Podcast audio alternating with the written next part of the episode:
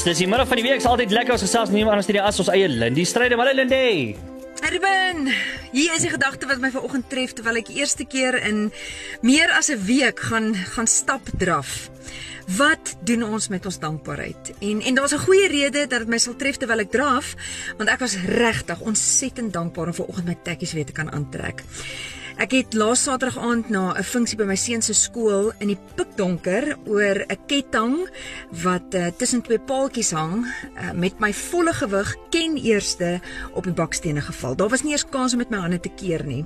My man was in die vliegtyg op pad terug van Portugal af, so vriende van ons het my na ongevalle geneem waar ek toe nou rukkie op 'n drip moes lê en onder andere vir 'n CT scan moes gaan.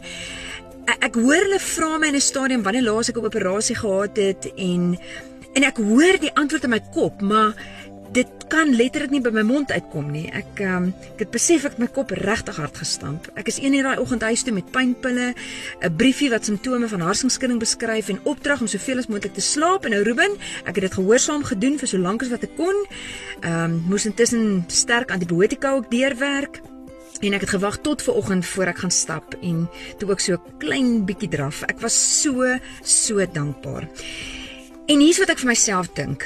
Ons kan nie in die lewe net dankbaar voel nie.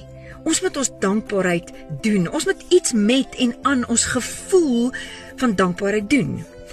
Met ander woorde, as jy dankbaar is vir jou gesondheid, doen iets met jou gesondheid. Gaan stap om die blok, werk in die tuin, uh, doen vir iemand 'n gunsie omdat jy nog energie oor het in jou dag.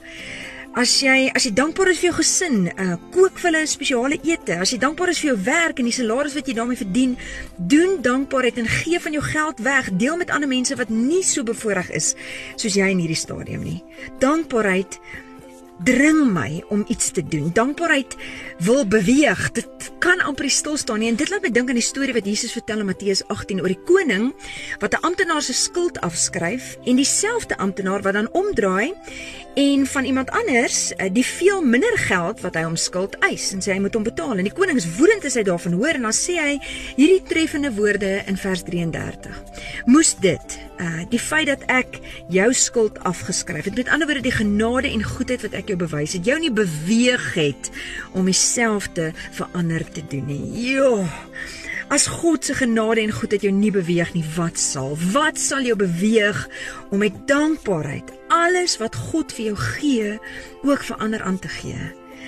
Ek dink is tyd om dankbaarheid te doen. So ek double dare jou met hierdie doen dankbaarheid uitdaging.